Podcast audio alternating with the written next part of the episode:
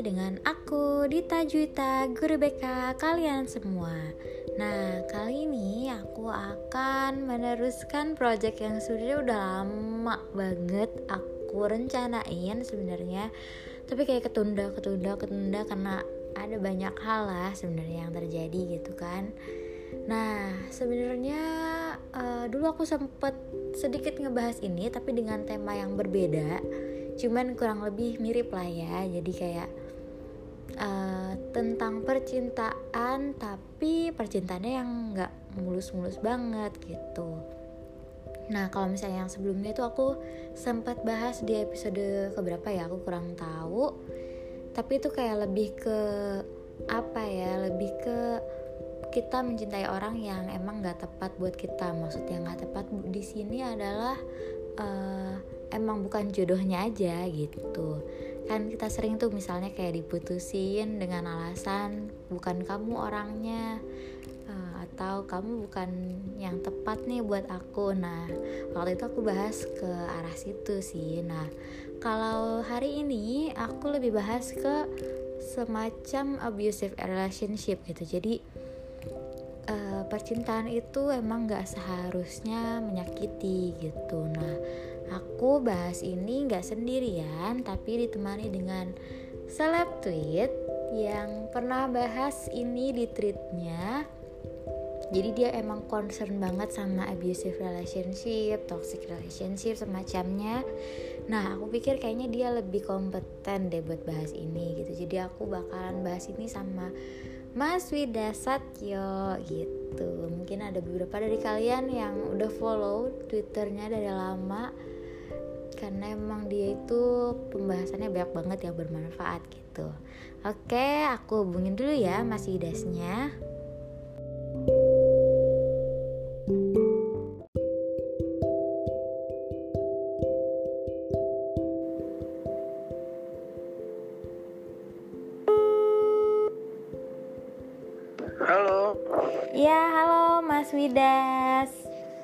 Iya, selamat malam. Selamat malam, apa kabarnya Mas? Alhamdulillah baik setelah apa ya hari panjang ya hari Jumat itu hari bahagia saya. Oke, okay. uh, eh, langsung aja nggak nih Mas tentang apa bahas tentang abusive relationshipnya? Boleh, boleh. Oke, okay. sebenarnya aku mau nanya dulu sih waktu itu kan Mas bikin tuh treat abusive relationship tuh. Mm-hmm. Nah, sebenarnya apa yeah. sih yang bikin Mas Widas itu tuh apa ya? Kepengen nih bikin treat tentang abusive relationship tuh sebenarnya apa sih gitu? Oke, okay. jadi sebenarnya uh, latar belakang berarti ini ya, yeah, latar belakang iya. kenapa yeah. tertarik bikin bahasan tentang relationship seperti itu. Karena ternyata uh, seperti kita tahu di Twitter itu kan ada akun base ya, betul ya? iya benar-benar banyak lagi. Banyak kan dan, dan di situ banyak ternyata anak-anak remaja pada umumnya yang sering mendapat intimidasi luar biasa kasar hmm. dari pacarnya. A awalnya aku yang waktu itu masih nggak begitu tahu banyak ya, itu merasa mungkin itu hanya satu dua sampel gitu kan. Mm, mm, aku nganggapnya itu bukan fenomena umum gitu. Mm. tapi semakin waktu semakin waktu polanya itu macam-macam. Mulai yang dipukulin mulai yang dijauhkan dari keluarganya mulai sampai diancam sebar video seksualnya. Mm. nah itu dari situ kemudian aku membaca-baca ini apakah memang fenomena yang wajar gitu? Apakah memang ada kajiannya? Apakah memang ada segmen khusus yang membahas ini dan ternyata memang ada. Hmm. seperti itu. Nah itu yang membuat uh, apa ya uh, aku juga ingin share bahwa ya seperti bahasan kita malam ini ya bahwa cinta itu sebenarnya nggak nggak malah menimbulkan luka gitu loh. Oke. Oke. Seperti itu. Yeah. Oke. Nah sebenarnya emang abusive relationship itu apa sih mas? Apakah kalau misalnya kasar terus abusive atau ada uh, definisi lain gitu mungkin oke kalau secara definisi itu tiap pakar psikologis ya hmm. itu punya beberapa pandangan berbeda-beda hmm.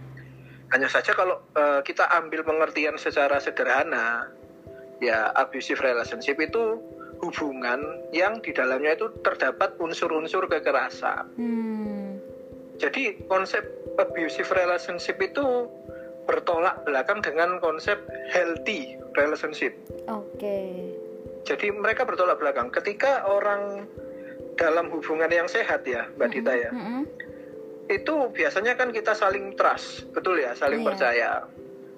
Nah, di abusive relationship ini kebalikannya, saling curiga, hmm. nggak pernah mau percaya, saling kepo, stalking, sebagainya.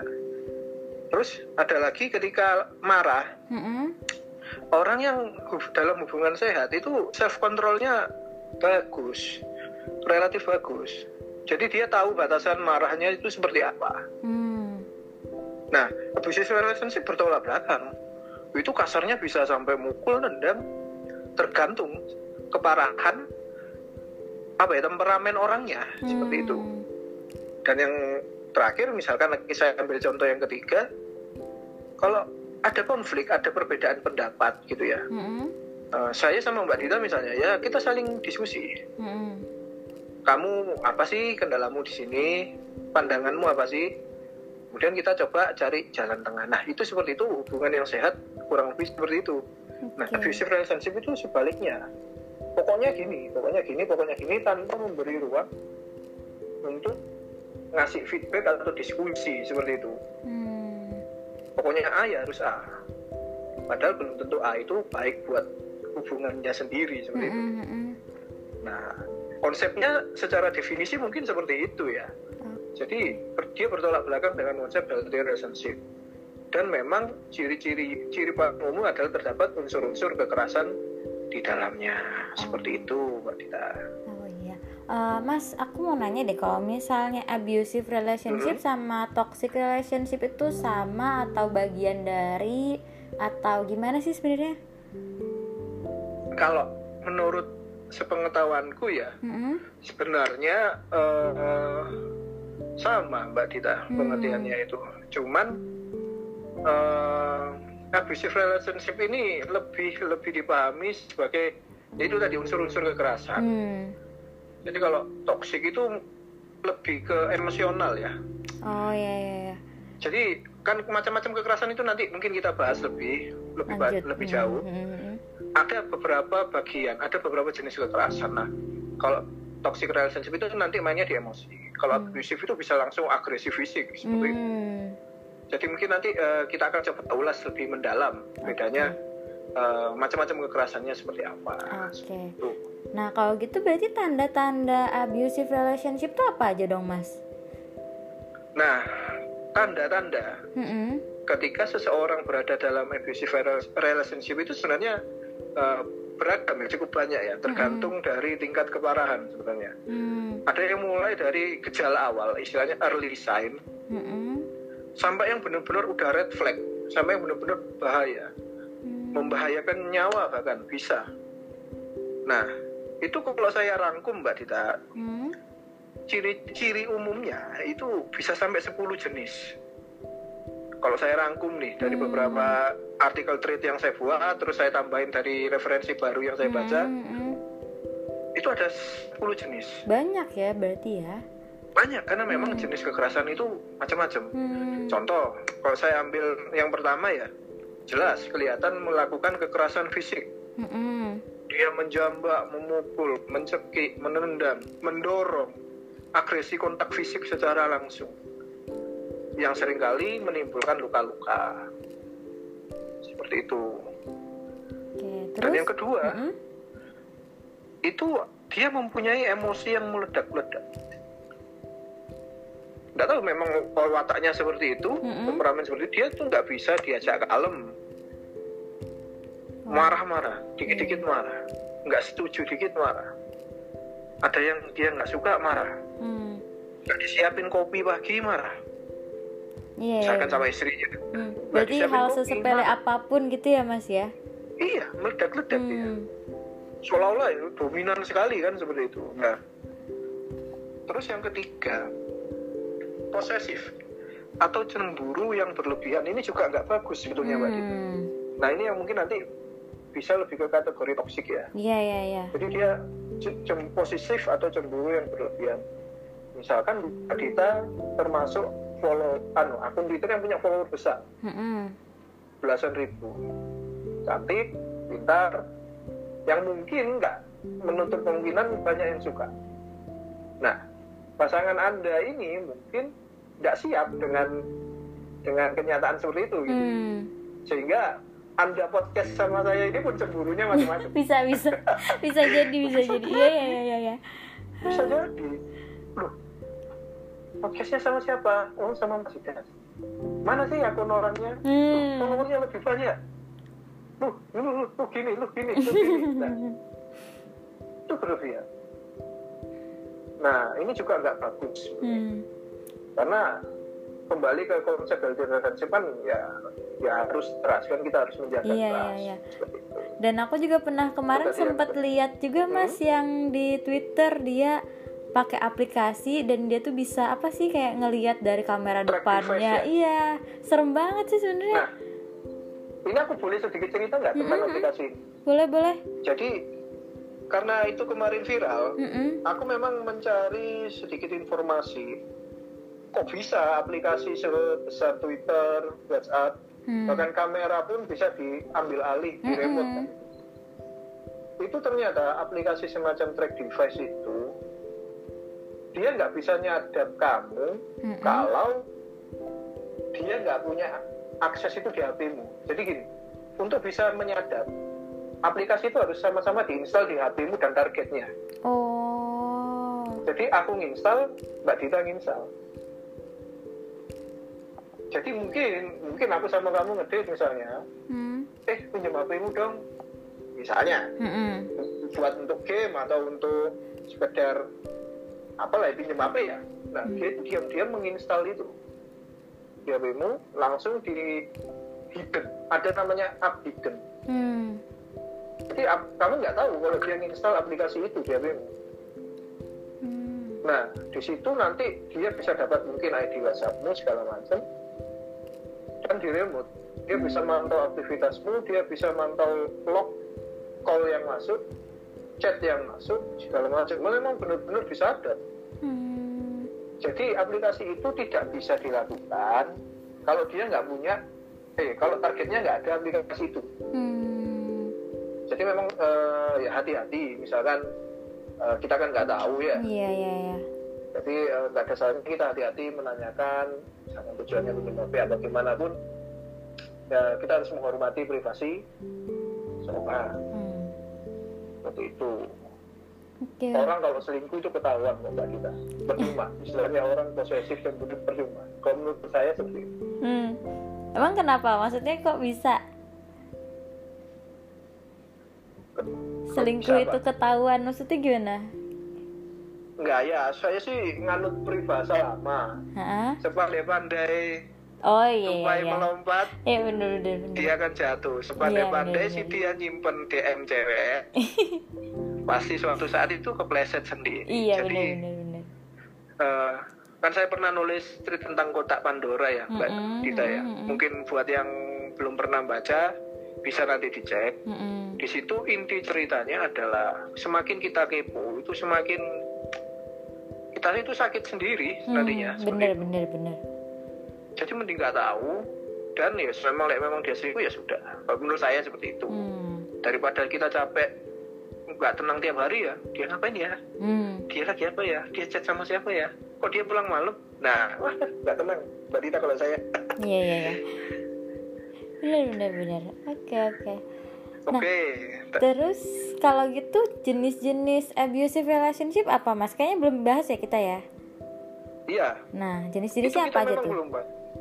Kalau jenis itu tadi nanti eh, macam-macam ya, Mbak. Itu tadi kan nomor tiga. Mm-mm. Kalau misalkan saya kasih contoh lain deh, secara garis besar aja, nggak nggak saya bahas semua ya. Mm-mm, mm-mm, Itu termasuk stalking digital tadi yang sudah kita bahas. mm-mm.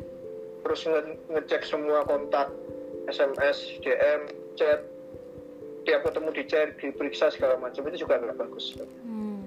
Dan yang mungkin ini poin paling penting yang mungkin menurut saya harus tak sampaikan itu ketika dia mulai menjauhkan kamu dari orang-orang terdekat itu itu itu warning sekali menurut saya Hmm.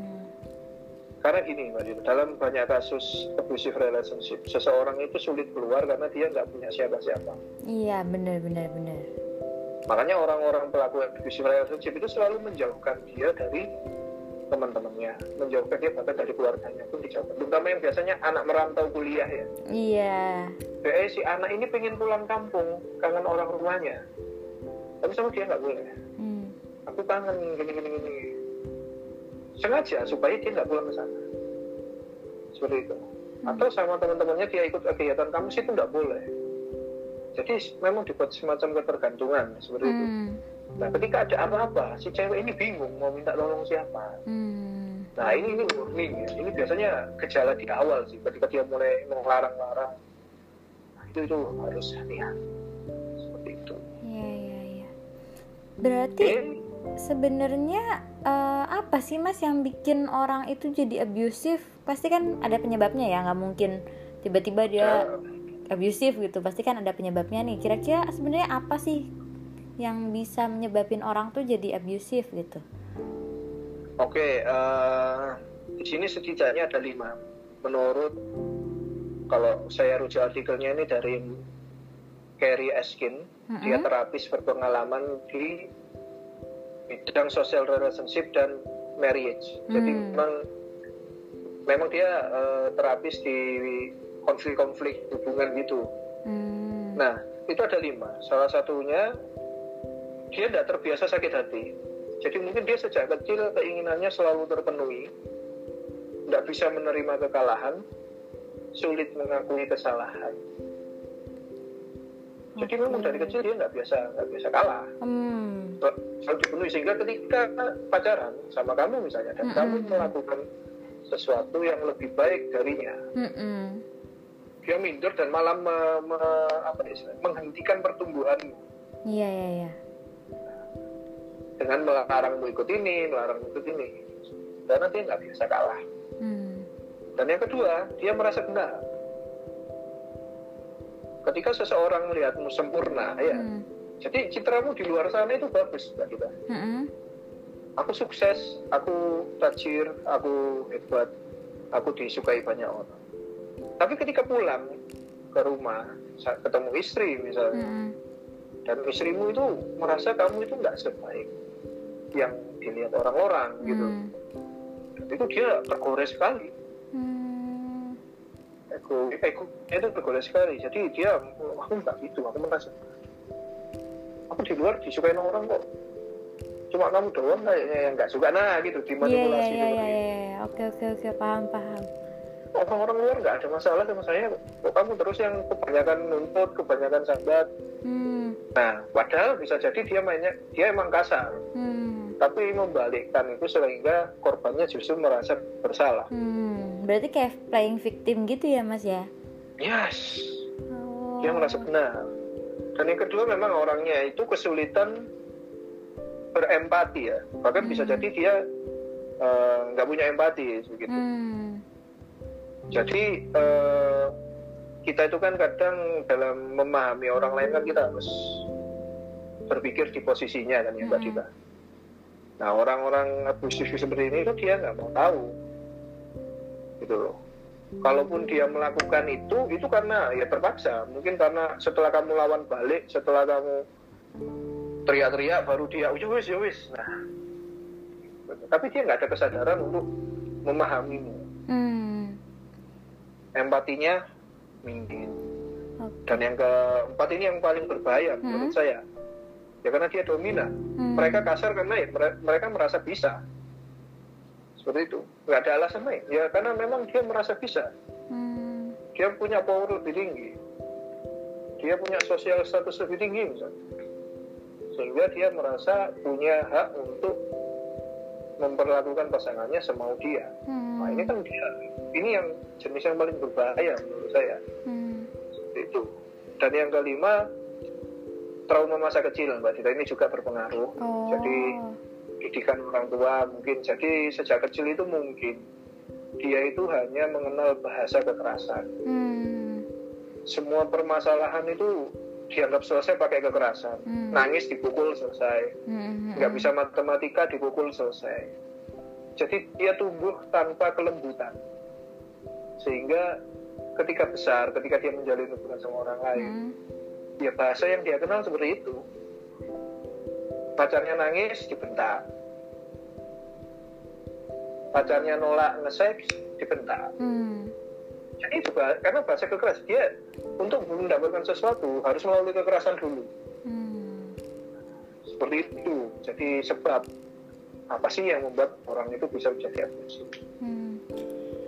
Kan kalau dari yang Mas sebutin tuh kayaknya sebenarnya jahat gitu ya. Maksudnya kayak ini orang gak ada baik-baiknya sebenarnya gitu. Tapi kenapa ya Mas ya kok kayak orang-orang itu kayak banyak gitu loh yang masih bertahan sama hubungan yang kayak gitu gitu. Padahal mungkin bisa jadi dia juga udah tahu nih ini sebenarnya hmm. nggak baik nih buat dipertahanin gitu. Sebenarnya orang-orang tuh kenapa ya kok bisa masih tetap bertahan gitu di hubungan yang seperti itu dengan orang yang sejahat itu sih kalau aku ngeliatnya kayak ini orang kok jahat banget nih gitu. Kok orang-orang masih mau ya bertahan sama ini orang? gitu. Sebenarnya apa sih mas? gitu. Ada nggak kira-kira alasan kenapa orang itu mau bertahan di hubungan yang abusive? gitu. Eh, ada. Ya jadi aku sebenarnya sama seperti Hmm. Mbak Dita mikirnya ya. Hmm. kok ada ya? Kok mau ya? Kok kuat ya? Kan gitu ya. Mm-mm. Itu ternyata memang kalau kita mau meneliti lebih jauh Mm-mm. membaca lebih jauh itu ternyata faktornya memang banyak Hmm. alasannya itu beragam salah satunya di sini takut mbak Dita Hmm. orang bertahan di hubungan abusive relationship itu takut takutnya itu karena dia nggak tahu nanti reaksi pacarnya ini reaksi pasangannya ini seperti apa Hmm. Karena kita tahu banyak berita-berita yang bisa sampai pembunuhan kan? Iya, bahkan iya, dibunuh segala macam. Jadi dia mungkin takut. Karena biasa digebuk biasa dianu semakin dibantah semakin ganas misalnya. Mm-mm. apalagi minta putus. Nah kan seperti itu. Nggak dituruti ngesek saja saya dipukul. Hmm. nggak nyiapin ini aja saya dipukul. Mm-mm. nggak mau diajak malam mingguan aja saya di HP ku dibanting misalnya. Hmm. apalagi saya minta putus meninggalkan dia gitu. keluarga aku takut diteror nanti misalnya nah kayak gitu jadi dia takut dia bertahan karena dia takut bingung harus gimana dan yang kedua Mm-mm. itu ada karena dia digaslight istilahnya dia dimanipulasi kalau memang memang itu normal bahwa ya wes hubungan kita seperti ini itu memang dari dulu seperti ini Oh. kita bertahan lama itu ya seperti ini nggak nggak eh, ya biasa saja menurutnya itu biasa Hmm. saja jadi mereka dibuat percaya kalau hubungan dengan kekerasan itu sesuatu yang normal Hmm. dinamika hubungan yang wajar padahal belum tentu dari kacamata luar yang seperti itu bagus Iya iya iya. Nah, yang ketiga termasuk takut tadi sebetulnya dia terancam kena spill. Nah, Oh. jadi dia bisa terancam diekspos rahasia pribadinya Hmm. seperti Raven Raven porn ya misalnya. Mm, Oh iya iya. iya. Jadi mungkin mereka pernah berhubungan seks direkam diam-diam. Jika minta putus karena suatu hal diancam, nggak mau awalnya. Hmm. Tapi setelah diancam apa dengan mau disebarkan videonya, Hmm. ah, takutlah dia. Iya. akhirnya bertahan terus terus seperti itu sampai dia dapat pertolongan nah ada lagi yang karena memang dia dibuat minder. Hmm. jadi gini ketika eh, saya ambil kasus salah satu mutualku yang cerita ya Mm-mm. jadi eh, awalnya itu ya happy sebagaimana orang PDKT sebagaimana orang pacaran ya happy aja sampai suatu ketika dia diajak hubungan seks Hmm. Nah dari situ titik balik hidupnya itu berubah 180 derajat. Dia mempertanyakan eksistensinya, Mm-mm. si cowok ini bilang, emang yang mau sama cewek nggak perawan siapa? Hmm. Oh, istilahnya dia dari maksudnya dari desa-desa yang masih pakem memegang itu, Pak. Iya iya. iya. Maksudnya perawanan lah seperti itu Mm-mm, semacam mm-mm. itu. Kulturnya memang masih kuat. Mm-mm. Dari budaya setempatnya itu masih kuat. Dia dibuat semacam itu. Emang yang mau sama kamu, sama kamu siapa? Emang bisa diterima di keluargamu lagi? Gini-gini. Yang mau cuma aku. Nah, kayak gitu. Iya Jadi iya dia iya. dibuat dibuat rendah so, Iya, iya. self self esteemnya itu dibuat rendah Hmm. nggak ada yang mau sama kamu kok selain aku nah, itu ini juga salah satu paket manipulasi Hmm. nah terus yang eh, orang kadang guyon soal bucin ya mbak Dita Hmm, Iya, iya, iya. tapi sebenarnya ya ada juga orang yang bertahan dalam hubungan kayak gitu benar-benar cinta mati kayaknya ya Hmm. ya ini ini sesuatu yang nggak bisa kita pahami jadi dia tuh kayak merasa ya wes aku ini jodohnya Hmm. kayaknya nanti bisa mengubah dia oh, dia itu baik sebetulnya Hmm. Cinta sama dia cuma gitu kalau marah kok tapi kalau anu dia baik kok Hmm.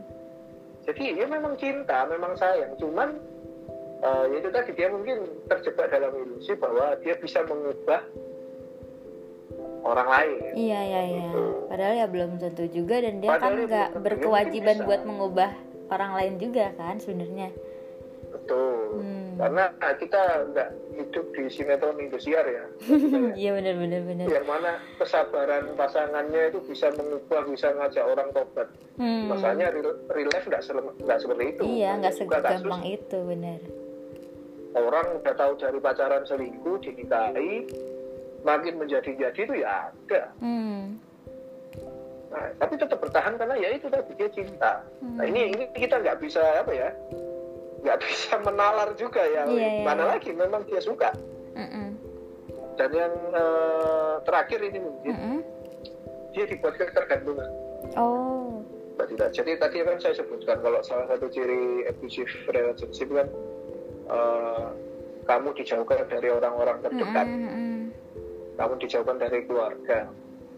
Tujuannya apa? Supaya ketergantungan sama kamu. Mm-mm. Jadi tidak ada apa-apa ya sama kamu. Beli peng-peng di Indomaret sama kamu. Terus pokoknya hal-hal itu itu sama kamu sehingga Iya. dibuat ketergantungan. Emang bisa lu tanpa gue kan gitu. Hmm. Jadi buat ketergantungan.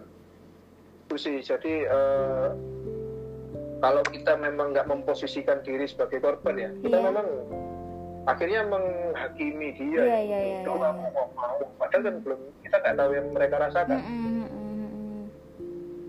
Jadi eh, kalau sih kalau saya sih lihat teman seperti itu ya eh, jangan jangan dikatain ya. Misalkan dia Hmm. cerita di cerita ke kamu, cerita ke kalau dia berani cerita ke kamu masalah relationship-nya yang kasar seperti itu, itu Hmm. berarti dia habis mengumpulkan keberanian Hmm. untuk cerita. Nggak mudah. Speak up seperti itu itu nggak mudah.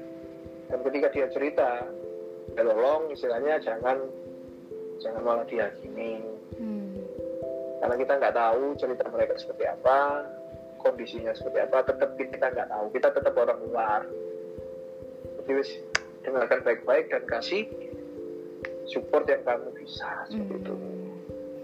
Berarti apalagi nih Mas yang bisa kita lakuin nih kalau misalnya ada eh, orang lain di sekitar kita atau mungkin justru kita sendiri nih yang terjebak di hubungan yang abusive kira-kira apa nih misalnya yang bisa kita lakuin? Kita misalnya udah udah sadar oh kayaknya ini nggak bener nih hubungannya kayaknya aku udah nggak bisa nih gitu di hubungan yang kayak gini nah kira-kira apa lagi nih mas yang bisa kita lakuin untuk membantu orang lain atau membantu orang apa diri kita sendiri misalnya kalau eh, aku setuju sama Mbak Dita bahwa Mhm. ketik- bahwa hmm, poinnya itu harus dari diri sendiri Mm-mm. kita harus menanamkan pemikiran bahwa kalau memang cinta ya itu memang tidak seharusnya menyakiti Hmm. tidak seharusnya menimbulkan luka. Kita mencintai seseorang itu buat tertawa bareng, buat buat bahagia bareng kan. Hmm. Iya memang kita sedih, kita memang mungkin sesekali ada beda pendapat, ada konflik. Itu sesuatu yang wajar. Mm-mm. Tapi ketika kita sudah mulai disakiti, baik secara emosi, secara fisik. Oh ya tadi saya lupa sebutkan Mbak Dita. Hmm. Jadi jenis kekerasan itu ada tiga. Ya. ada physical abuse fisik Mhm. yang sudah saya jelaskan agresi Mm-mm. emotional abuse nah emotional abuse ini termasuk silent treatment Oh, intimidasi controlling jadi benar-benar ngatur Hmm. nah jadi yang mungkin membedakan eh, toksiknya itu tadi ya Hmm. dan yang ketiga itu yang mungkin belum sempat kebahas itu sexual abuse itu juga ada di hubungan Oh. kalau di hubungan pernikahan kan ada yang namanya marital rape Mm-mm. nah kalau di hubungan pacaran itu ya ada kekerasan. jadi kadang itu pacar dipaksa untuk hubungan seks Hmm. meskipun dia mungkin lagi nggak mau atau lagi nggak mau Hmm. bahkan bahkan memaksa pacar hubungan tanpa kondom meskipun Hmm. mau misalkan eh, pacarnya mau hubungan seks tapi dia harus pakai kondom Hmm. misalnya nah, itu ya pacarnya menolak dan dia tetap maksa itu abuse ya Hmm. meskipun dia mau hubungan seks tapi dengan kondom begitu pacarnya nolak dan maksa tanpa kondom itu abusive Hmm. nah ini ini yang kemudian kita perlu tekankan kembali tekankan bahwa ya cinta itu tidak seharusnya menyakiti cinta Hmm. itu harus berdasarkan kesepakatan komitmen kasih sayang Hmm. nah kalau yang kalau kita sudah dalam posisi seperti itu apa yang harus kita lakukan Hmm. dalam banyak kasus abusive relationship yang ku tahu nih mbak Dita ya Hmm. jadi dari beberapa teman yang DM itu selalu saya arahkan untuk mencari pertolongan orang ketiga Hmm. karena orang dalam abusive relationship itu sulit bersikap objektif. Hmm. objektif mbak. Dia itu sering menyalahkan diri. Apa sih yang salah padaku kok dia gitu? Hmm. apa sih yang kurang padaku kok dia selingkuh? Iya, apa iya, sih iya. yang kurang dia itu nggak bisa mikir jernih. Pikirannya itu selalu dia mikir salah salah. Hmm. dan itu perlu orang ketiga untuk melihat perspektif membantunya membuka. Ini loh kayak gini. Hmm. Bahkan kalau sampai berbahaya ya kalau sampai levelnya berbahaya itu bisa Hmm. melibatkan lembaga bantuan hukum Hmm. somasi bisa jadi memang peran orang ketiga ini krusial. Hmm. fungsinya untuk menarik jadi ketika dia istilahnya ditenggelamkan sama pacarnya Loh, Mhm. anak saya saya suka pakai analoginya gini waktu cerita cerita anak Hmm. kamu ibarat kepalamu dicelupkan ke air ya Hmm. Kamu nggak bisa apa-apa. Nah fungsinya orang ketiga ini adalah mengeluarkanmu dari air itu. Hmm. kamu ditenggelamkan ditarik. Kamu ditenggelamkan ditarik. Sampai akhirnya kamu benar-benar ditarik keluar. Hmm. memang harus seperti itu. Karena kalau dia sendiri ya oke setelah dia baca tweetku misalnya atau baca orang atau baca tulisan orang-orang tentang abusive relationship ini Hmm. dia dia berani awalnya tapi setelah face to face sama pacarnya ciut lagi Hmm. Ya ya ya ya. jadi tetap harus ada bantuan orang ketiga Hmm. ada kasus gini mbak Dita Hmm. jadi cewek ini sering dipukuli Hmm. kasarin segala macam Terus? tapi orang tua cowoknya ini nggak tahu mbak Oh.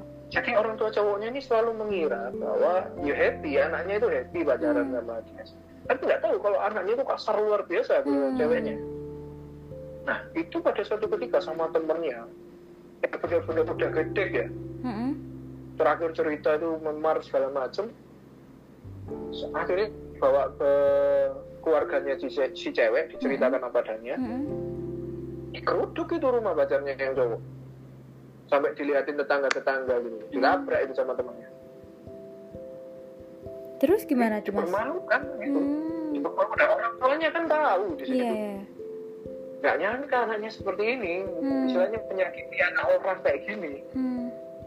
tuh sampai temen nggak tahu ya waktu itu ceritanya temennya itu sampai ngancam-ngancam somasi soalnya Hmm. ini kita sudah periksakan visum setelah ini kita bis eh sorry waktu itu ceritanya setelah ngelabrak itu mau Mhm. divisumkan Hmm. Divisumkan untuk menjadi bukti kekerasan gitu. Nah itu kan ranahnya bisa hukum kan? Iya. marah lah itu orang tua cowoknya. Hmm. gini-gini akhirnya disuruh putus sendiri. Di situ putus juga itu. Oh.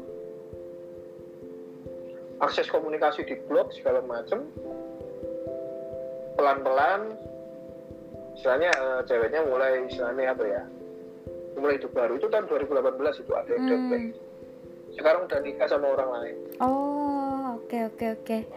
aku dikabarin udah lama udah lama jadi waktu itu ya followerku masih kecil ya Hmm. Hmm. hmm. 2008 masih kecil eh, ada yang DM gitu cerita cerita cerita baru bulan kemarin ini tidak salah November 2019 ini tiba-tiba ada yang masuk ngabarin kalau akhir bulan ini dia nikah Hmm. Masih ingat aku nggak banyak cerita dulu sampai ngajak temen ngobrol si A. Oh iya ya aku ingat. Gimana kabarnya sekarang? Bagus mas. Aku cuma mau ngabarin kalau akhir bulan ini aku nikah sama si B orangnya baik kok mas. Memang eh, istilahnya lebih tua maksudnya lebih tua 6, 6 tahunan. Hmm. sopan mas. Anaknya kiai gitu kan. Hmm. sopan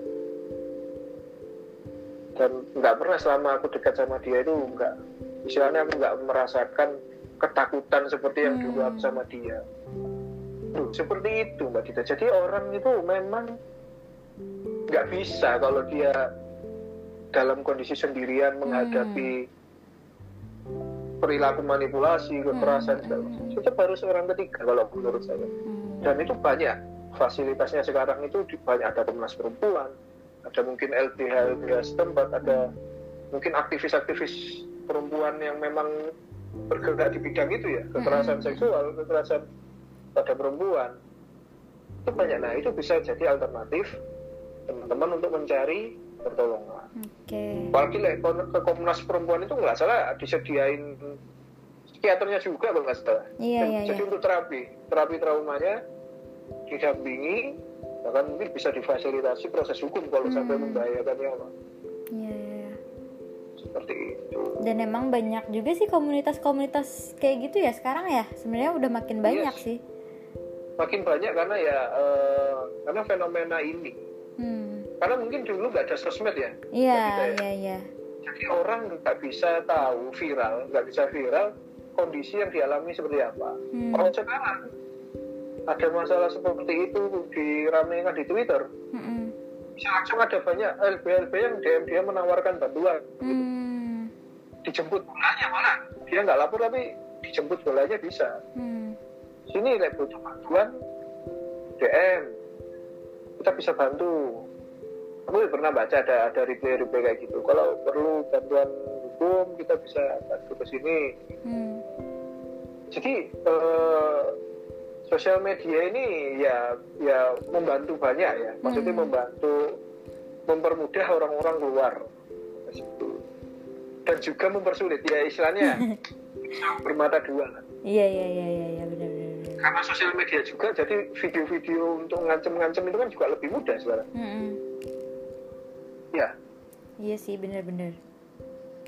seperti itu jadi ya kita tetap harus hati-hati Oke, em, kalau misalnya nih Mas, eh, kan itu kan dari sisi korbannya nih ya Mas ya, yang bisa dilakukan adalah apa-apa-apa. Nah, kalau misalnya nih ternyata aku yang ternyata abusive gitu kan, dan ternyata mungkin di suatu hari aku tuh kayak sadar, kayaknya aku tuh abusive deh, soalnya aku punya eh, tanda-tanda yang kayak gitu, misalnya aku sering marah-marah segala macem. Nah, kalau misalnya aku udah menyadari kalau aku itu abusive, tapi kan nggak mudah ya mungkin untuk mengubah diri sendiri gitu. Nah, kira-kira apa nih Mas yang bisa dilakuin nih buat menolong diri sendiri biar mungkin bisa nggak se-abusif dulu mungkin atau justru lebih baik banget misalnya. Gimana tuh Mas? jadi eh, itu tadi kalau kita bicara tentang dari sisi orang lain ya Mm-mm, Iya. mm-mm, mm-mm. jadi gimana kalau kita ternyata yang toksik Iya, gitu. Dan aku udah Gimana sadar gitu kita misalnya. ternyata gimana kalau kita ternyata yang bermasalah kan Mm-mm, seperti itu jadi eh,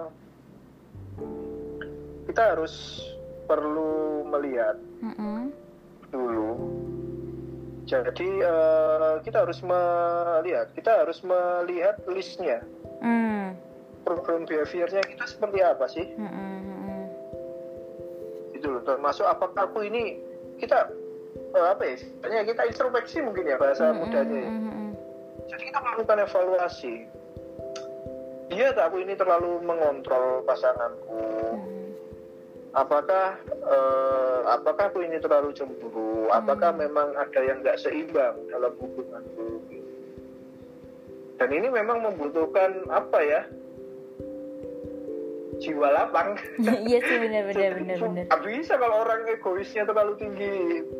Ya dia merasa benar kan seperti iya itu. Iya iya benar benar Kan benar. orang abusif dia merasa benar. Ah, nah jadi di- kalau memang pengen melakukan evaluasi ya ya lihat aja chatnya ke dia seperti apa. Apakah terlalu ngatur Iya, apakah terlalu cemburu apakah kamu maksa punya password sosmednya. Hmm, temen apa pasanganmu Hmm. nah itu dulu di list hmm, gitu seberapa parah sih kita memperlakukan pasangan kita kan gitu? Hmm.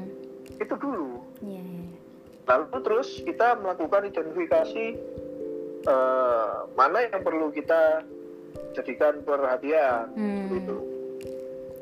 Kadang eh, cemburu itu wajar kan? Mm-mm. kadang mungkin cemburu itu wajar. Mana yang harus dibenarkan? Mana yang harus dibenahi seperti itu problem utamanya kita sudah list dan mana yang istilahnya eh, menjadi problem utama. Hmm, oke cemburu. Tapi kan cemburu kan sesuatu yang wajar. Iya. Ada takaran tertentu yang memang boleh. Hmm, oh ternyata nggak di sini oh ternyata permasalahan ini terlalu ngatur terlalu ngekang nah kalau sudah tahu di situ ya kita harus melakukan plan. Misalnya ya gimana ke depannya seperti itu? Hmm, supaya nggak gitu lagi itu harusnya gimana? Hmm. tuh oke oke. Oke belajar percaya.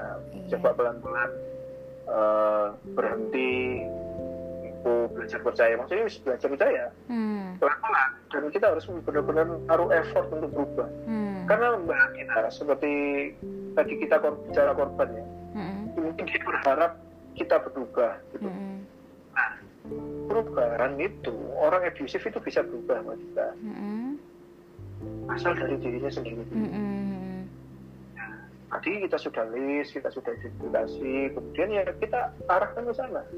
Ya gimana langkah-langkahnya? Biar nggak cemburuan itu gimana? Hmm, biar nggak nggak nggak saling ngekang itu gimana? Biar nggak marah-marah itu gimana? Apakah aku perlu psikolog? Hmm, apakah aku perlu terapi? Hmm, hmm, apakah aku cuman perlu istilahnya ya komunikasi bagus di mediasi misalnya di mediasi du- dua orang misalnya hmm, eh, di mediasi ya sama pihak ketiga sorry. Di mediasi sama pihak ketiga nah nggak apa-apa di, di, direncanakan Nah, memang pengen memperbaiki hubungan ya. hmm, Nah, memang mungkin dalam suatu titik orang abusif itu mungkin juga ngerasa "Wih, pasangannya itu teriak-teriak histeris mungkin dari situ dia sam- sa- kesentak gitu. Hmm, ya mungkin aku udah lebih berlebihan ya. Nah mungkin dari situ dia nah itu kan kembali ke dirinya sendiri. Hmm, hmm, hmm, kemauannya untuk mengevaluasi. Hmm, nah orangnya ego tinggi segala macam berarti itu ya. Hmm, sulit. Hmm, hmm, hmm. memang sulit. Jadi memang tetap harus dari kemauan diri sendiri. Iya, sendiri. oke oke oke. Evaluasi Hmm. seperti itu. Oke berarti emang harus dari diri sendiri dan mungkin kita introspeksi diri terus mungkin juga ngambil apa ya kayak nyari pertolongan dari psikolog juga mungkin ya mas ya berarti. Iya. Oke oke jadi oke. di dia mencari pertolongan. Hmm. apakah memang aku ini orangnya punya apa ya istilahnya bahasa psikologisnya anger issues apa? Hmm. anger issues anger ya. Jadi anger management juga mungkin. Hmm, mungkin memang perlu. Misalkan kalau dia meledak-ledak. Hmm. Nggak apa-apa kan itu bagian dari apa ya istilahnya healing. Hmm. Oke oke. Wah nggak kerasa nih mas udah 40 menit kita ngobrol. Cuma 40 menit Iya 40 menit. Nggak kerasa banget sebenarnya. Oke berarti nih kalau kalau aku misalnya bisa simpulkan berarti kan tadi eh, abusive relationship itu yang memang lebih berfokus ke kekerasan tapi kekerasan juga ada jenis-jenisnya juga. Nggak cuma fisik doang tapi ada emosi juga ada seksual juga. Terus juga kalau misalnya eh, kita berada di hubungan yang abusive berarti kita sebisa mungkin mencari pertolongan dari orang ketiga gitu ya mas ya?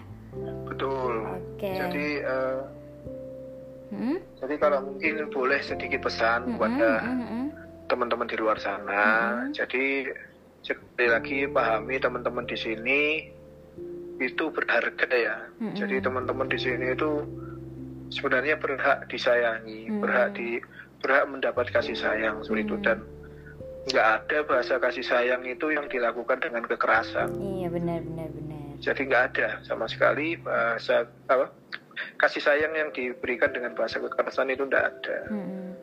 Jadi memang tidak ada salahnya ketika teman-teman dalam hubungan seperti itu cerita ke Hmm. teman atau bahkan mungkin kalau takut dihakimi sama teman-temannya Mm. cari ke pakarnya Mm. banyak sekarang fasilitas-fasilitas akses Hmm. ke eh, psikolog, ke psikiater untuk mendapatkan pertolongan Mm. atau bahkan mungkin ke lembaga hukum kalau sudah membahayakan nyawa seperti itu. Mm. Karena gimana pun juga, apalagi misalkan Mbak Dita nih Hmm. dari kecil itu orang tuanya tidak pernah nyentak, tidak pernah mukul, tidak pernah.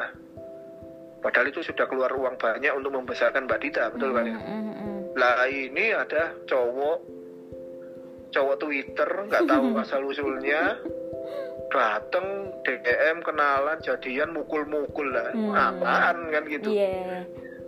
Jadi, kita harus belajar meng- menghargai diri sendiri buat teman-teman di sana sekali lagi nggak ada bahasa kasih sayang yang dilakukan dengan kekerasan Oke, oke oke. Aku garis bawahi tadi ada kalimat yang aku suka sih. Apa? Kamu berhak disayangi, kamu berhak mendapatkan kasih sayang. Itu kayaknya aku suka banget tuh sama kalimat itu.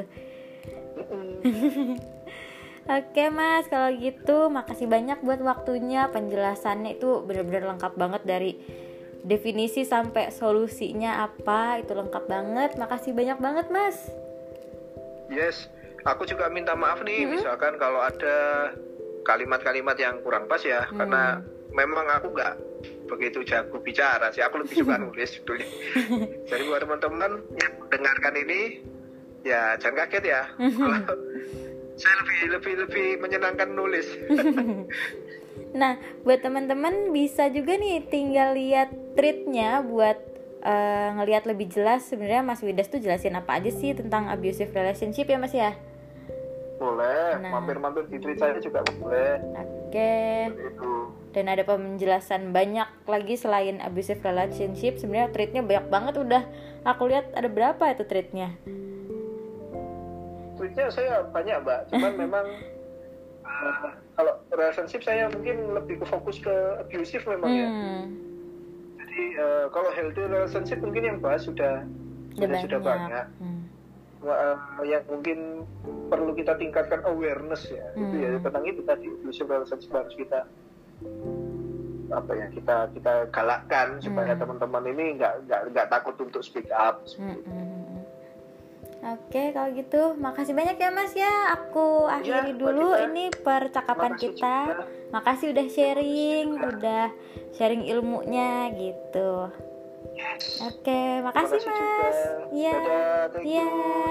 Selamat malam.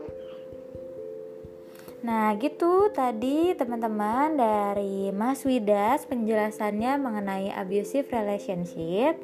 Nah, buat kalian yang pengen tahu lebih jelasnya gitu, mungkin pengen baca versi tulisannya, itu bisa lihat di tweetnya eh, akun Twitter Mas Widas Satyo. Jadi eh, akunnya itu @widas Satyo, S-nya ada dua gitu. Kalian boleh banget follow, boleh banget baca tweet-tweetnya banyak banget bermanfaat dan itu banyak banget macamnya. Ada tentang relationship, tentang perselingkuhan, tentang kehidupan sehari-hari semua ini kayaknya ada semua deh. Pokoknya permasalahan kehidupan kayaknya ada semua dibahas di tweetnya Mas Widas gitu. Gitu aja. Jadi sekali lagi aku menekankan kalau misalnya kalian itu semuanya pantas disayangin pantas mendapatkan kasih sayang gitu kata Mas Widas jadi kalau misalnya kalian berada di hubungan yang abusive yang toksik nah mungkin kalau misalnya emang kalian yakin kalian ingin keluar dari situ, mungkin kalian sebaiknya mencari pertolongan dari orang lain. Mungkin kamu bisa cerita ke temen kamu, sharing gimana baiknya gitu. Oke, gitu aja dari aku. Terima kasih. See ya.